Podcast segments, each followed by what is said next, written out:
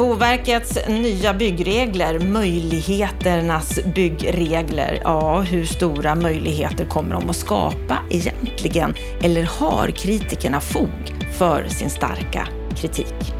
När det gäller våra hyresförhandlingar, ja då är det några bolag i Malmö som har begärt en extra hyreshöjning. Hyresförhandlingar som nu har strandat. Vad betyder det här egentligen just nu? Vad betyder det för förhandlingssystemet framåt? Och Finansinspektionens eh, ventil, alltså att man får undantag för att amortera, den tycker de själva fungerar väl. Har de rätt i det?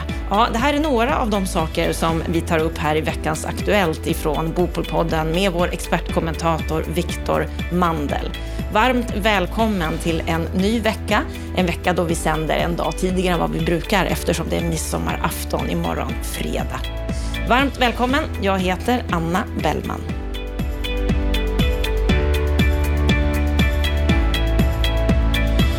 Ja, Viktor Mandel, sen du var med i veckans Aktuellt förra gången så har det ju hänt en del på din planhalva. SBB, som ju äger halva Svea Fastigheter där du är VD, har fått en ny VD. Leif Synnes, han har tagit över efter Ilja Battlan. Han har varit VD i ungefär två veckor nu. Vad har du att säga om, om dina intryck av honom? Nej, men jag känner ju Leif sen, sen ganska länge, sen hans tid på Akelius. Vi har gjort eh, mycket affärer eh, ihop över åren. Och han är ju en eh, skicklig eh, chef i fastighetsbranschen som har gjort mycket bra saker och var inblandad i kanske några av de bästa affärerna som, som gjordes i föregående konjunkturcykel. Så det är spännande att ha honom på SPV nu då. Vi ska gå vidare här i veckans Aktuellt och prata om Boverkets nya byggregler som de håller på att ta fram. Möjligheternas byggregler kallas de. Tanken är att de ska börja gälla om ett år från 1 juli 2024. Men istället för allmänna råd och hänvisning till standarder så ska de utformas som rena funktionskrav. Och det här har mött en del reaktioner i branschen. Hyresgästföreningen kallar det för ett högriskexperiment och att det är stor risk för försämrad standard med stora konsekvenser för boendes hälsa som följd. Och även Tobias Olsson på Sveriges arkitekter är kritisk. Han skriver på Expressen Debatt att de nya reglerna ger sämre bostadsstandard och kan leda till rum utan fönster och med takhöjd strax ovanför dörrkarmen. Vad säger du, Viktor, om de här nya byggreglerna? Jag tycker att det är spännande och jag tror att det är bra att få nya byggregler som är uppdaterade. Eh, sen finns det såklart problem eh, eh, med det här sättet att göra det på. Jag tycker att nuvarande regler så finns det utmaningar. Jag tycker att vi hämmas lite innovationsmässigt, framförallt på kanske miljömässiga sidan av att det kanske är väl rigida regler i vissa delar där som leder till för tunga och kraftiga konstruktioner där vi använder mer material och får, gör större miljöpåverkan än vad vi kanske skulle behöva om vi hade tydligare funktionskrav istället. Sen finns det en fråga som jag tycker är ändå rätt så stor och det är frågan kring, eh, kring allmänna råd som av vissa bygglovshandläggare tolkas som absoluta krav och samtidigt som kanske byggentreprenören tolkar det som allmänna råd. Och där kan vi som byggherre hamna i rätt konstiga diskussioner om vad som egentligen avses. Problemet med de här nya reglerna är väl att kanske den risken ökar ytterligare för att, eh, eller risken finns i alla fall att det blir mer kommunala speciella krav. När, när, när vi ska bygga i Stockholm så får vi liksom i samband med exploateringsavtalet underteckna rätt omfattande policydokument där vi för, förbinder oss att följa olika riktlinjer som Stockholms stad har som liksom är utöver vad som, som är i lagstiftningen. Och här skulle man kunna se en, en, en, väg där Stockholms stad till exempel eller någon annan kommun har, har en Eh, egen tolkning av de här funktionskraven som man förbinder sig att följa samtidigt som en annan kommun har en annan tolkning eh, och det är väl någonting som jag ser som, som ganska utmanande med det här sättet. Jag är inte orolig. Min fru sa att eh, det vore ju synd om ni skulle bygga lägenheter utan takhöjd. Och jag säga, ja, den risken tror jag inte är så stor, utan eh, fokus är ju på att erbjuda eh, bostäder där hyresgästerna trivs. Och, och då ska det vara en, en väl tilltagen takhöjd. Sen ska vi veta att det, det kostar material och det kostar energi i uppvärmning, så det är också en avvägning från fall till fall. Så du menar att Tobias Olssons kritik och farhåga är obefogad? Ja, men det tror jag och eh, framförallt så tror jag att det, är, att det är positivt att kunna göra lite mer anpassning av, av bostäderna beroende på vem de är riktade till och, och var de befinner sig. För att det är inte samma överallt. Jag tycker det är ett litet problem i, i Sverige idag att vi bygger bostäder som ser väldigt likadana ut för alla målgrupper och på alla platser. Och, och, och, så ser inte efterfrågan ut. Du menar att de här reglerna skulle kunna göra att ni blir lite friare att göra bostäder som efterfrågas? Jag tror att det, det, finns en möjlighet i det i alla fall. Sen så får man säga att, att, att de här tydliga reglerna som har varit tidigare har ju också haft positiva eh, sidor kring förutsägbarheten. Jag har tidigare jobbat med, med, som rådgivare i större fastighetstransaktioner och affärer och då har det varit väldigt lätt att beskriva vad det är för produkt som kommer ut för att alla hus har hållit sig till precis samma regler och samma tolkningar. Så att, och, och, och där blir det kanske också en, en större utmaning. Då.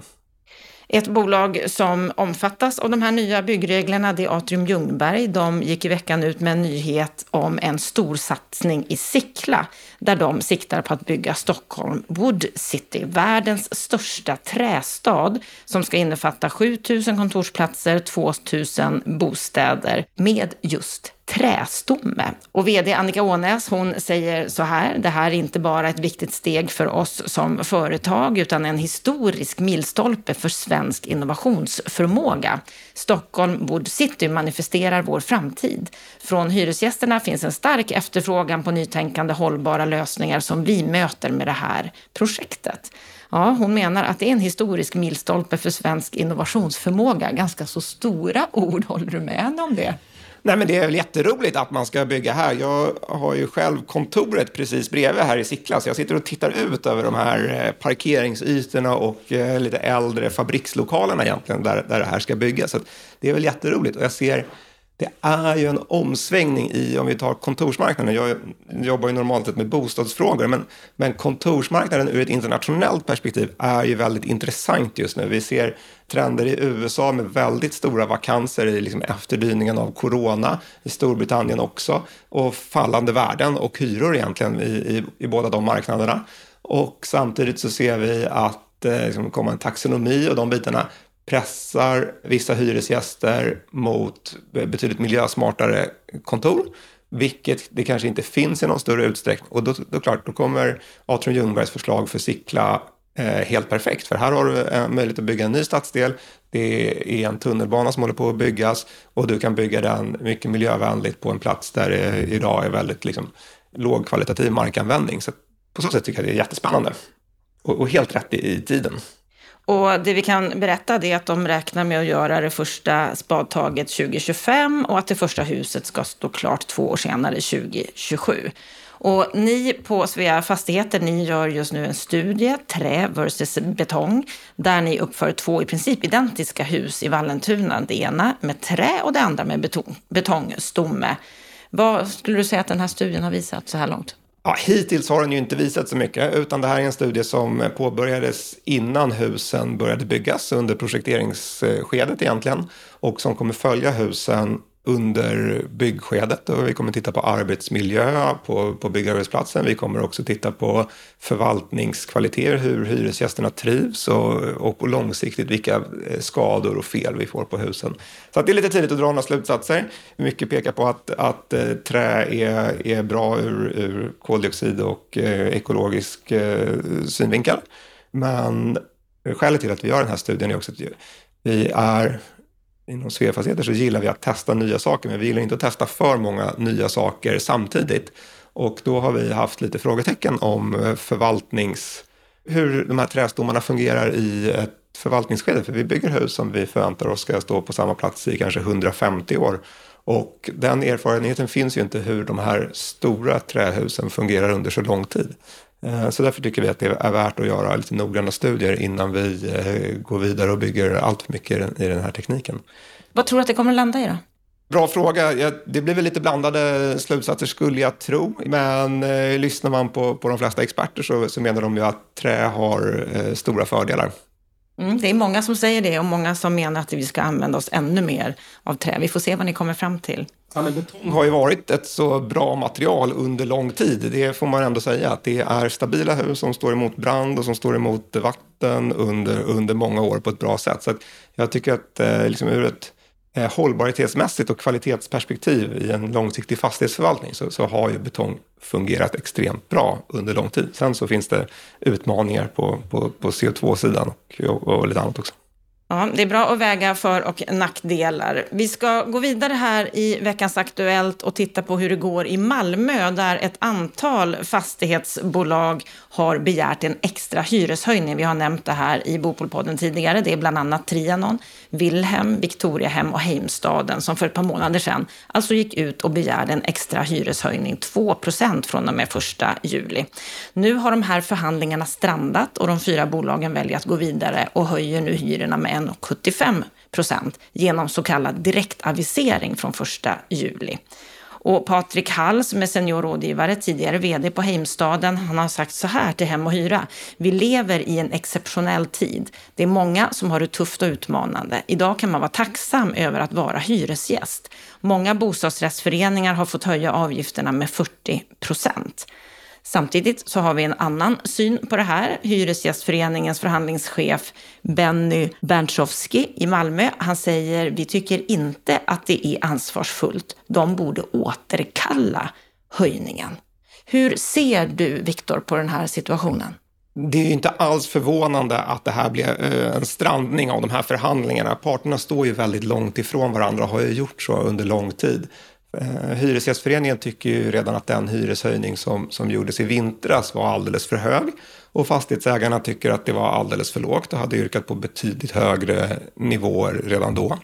Eh, och sen dess så har ju situationen kanske blivit ännu tuffare för, för fastighetsägarna. Så att tidigare år så har ju den här typen av situationer ofta runnit ut i sanden. Att att eh, fastighetsägarna har inte tyckt att det har varit värt att ta fighten kring de här få procenten eh, i, i hyreshöjning utan man har accepterat det man har kommit överens om med Hyresgästföreningen. Och det här är väl ett tecken på att man nu tycker att situationen är mer allvarlig än så. Och att man gör den här eh, ensidiga hyreshöjningen kan man säga. Problemet med det är ju att vi har ett system som inte alls är konstruerat för den typen av lösning. Eh, nu är inte jag helt insatt i, i, detaljerna här. På vissa ställen har man ju kommit fram med den nya förhandlingsordningen där man kan hänvisa till en tvistelösningsfunktion. Jag vet inte om de har tecknat den i Malmö än eller hur, hur det ser ut. Men, men annars så blir ju frågan för hyresnämnden att ta ställning till. Och, och för dem så är det inte en fråga att ta ställning till om 1,75 är en rimlig hyreshöjning på sommaren 2023 utan då är det ju en fråga om lägenhetens bruksvärde.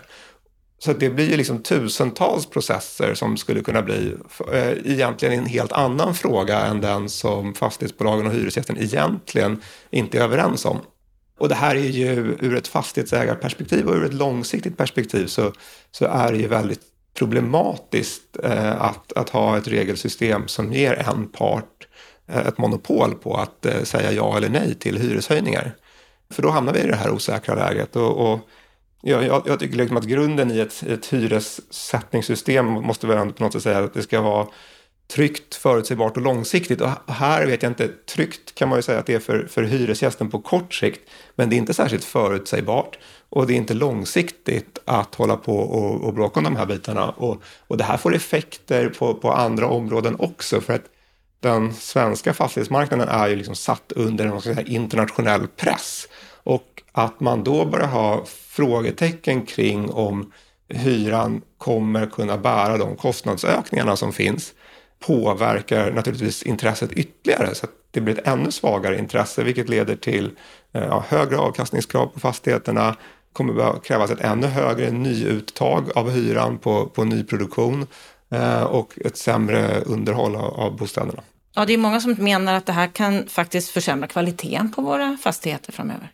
Ja, att grundfrågan, ja, att du inte får ut eh, kostnadstäckning. Eh, och, och, och, samtidigt så är det i alla andra segment så, så tas det liksom, går priset på tomater upp i, i, i producentledet så leder det till, till eh, en, att priserna förs över på konsumenten och sen kan de välja om de vill köpa tomater eller inte. Här har vi inte det systemet. Eh, utan eh, kostnadsökningarna stannar ju på fastighetsägaren fram tills dess att Hyresgästföreningen tycker att det är okej okay att, att eh, hyresgästerna betalar lite mer. Och det menar jag är ett system som inte fungerar i, i dagsläget. Och det är många som håller med dig om det. Vad tror du att det här kan betyda för hyresförhandlingarna framåt? Kan vi komma att se ett nytt system?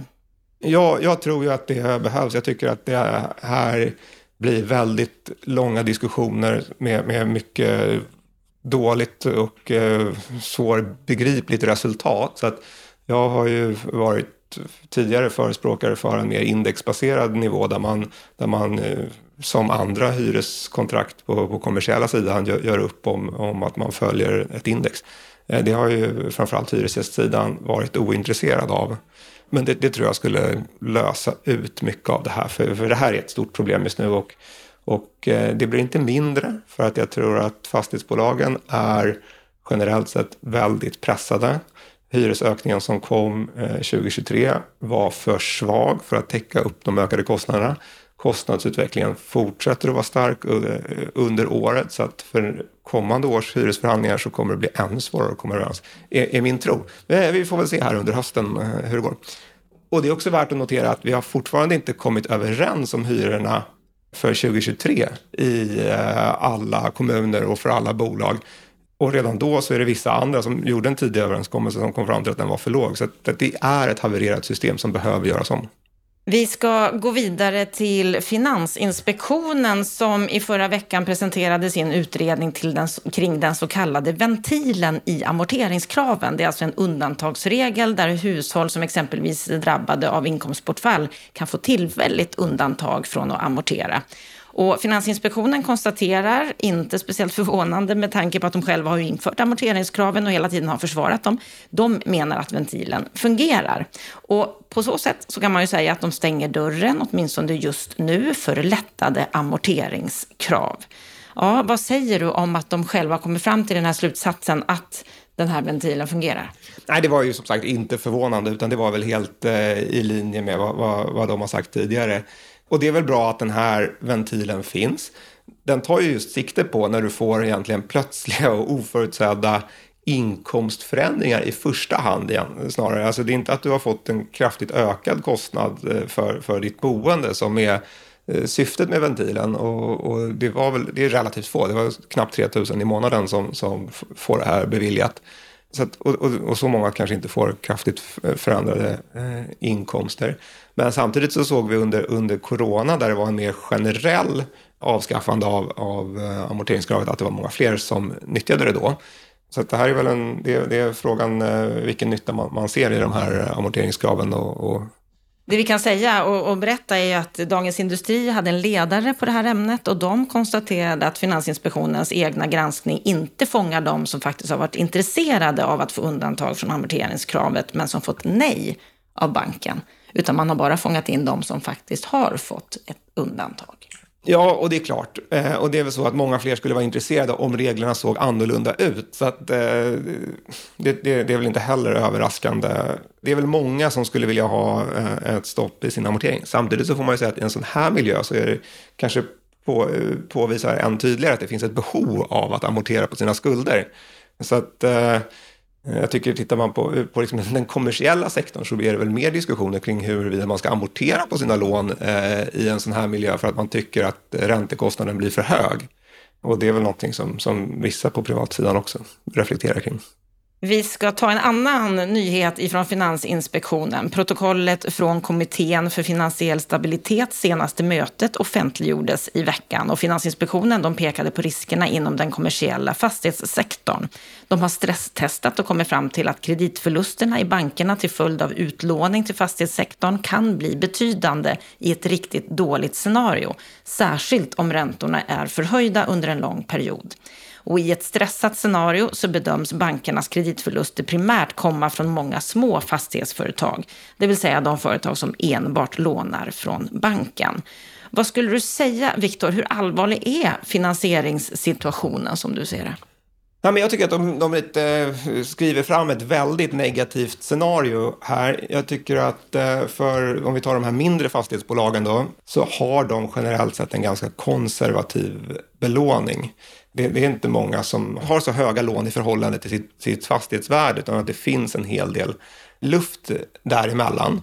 Så att den sidan är inte jag så oroad över och jag tycker att det finns en en acceptabel räntetäckningsgrad på de flesta håll också och det finns en hel del pengar att ta av.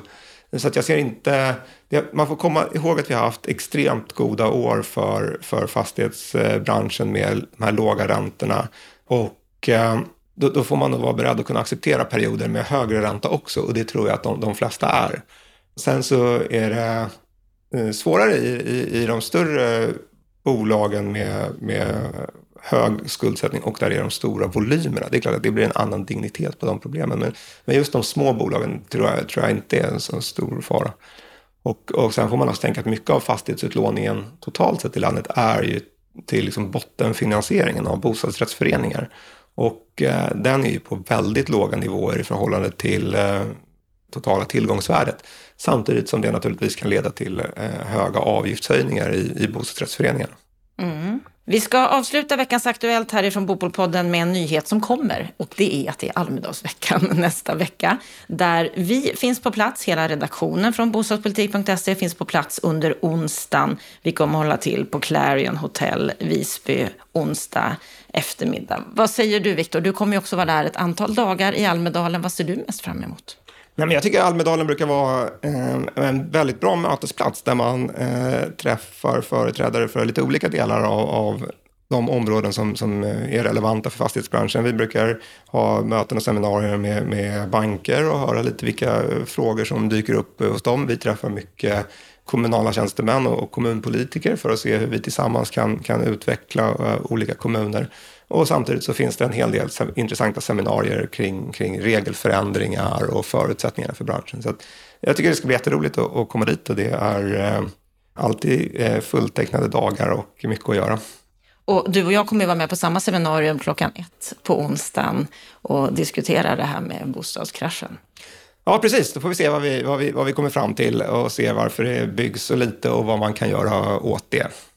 Och sen avslutar vi onsdagen med Super Wednesday då vi tar det här med bostadspolitik med en nypa salt och väldigt mycket humor. Vi debatterar, vi diskuterar, men gör det med glimten i ögat. Och det hoppas jag också att du som är i Almedalen gärna vill komma och besöka. Ja, som vi har pratat om här i veckans Aktuellt, stort tack Viktor för din analys av veckan som har gått. Det är ju att det är tufft för företag som inte får täckning för sina kostnader genom hyreshöjningar. Och en av de vdar som ju är aktuell i ett av de här Malmöbolagen, Victoria Hem, Per Ekelund, honom får du möta i vårt samtal på måndag. Han var nämligen med på den konferens, Bopool Live Hyresrätt, som vi hade i slutet på maj. Och det samtalet, det ska du få höra på måndag. 1 procent i, i räntekostnad motsvarar ungefär, för att täcka det så hade vi behövt 10 procent hyresökning. Sen förstår ju alla att det kan vi inte få, det funkar inte. Men då innebär det också att då är vi inte nöjda. Då, då, då blir det svårt att få ihop det. Mm. Där hörde du Per Ekelund, VD på Victoria Hem, som menar att det är svårt att få ihop kalkylerna i det läget som är just nu. Hela samtalet, det hör du i Bopolpodden på måndag. Fram till dess så önskar vi dig en fantastisk fin midsommarhelg. Må så gott!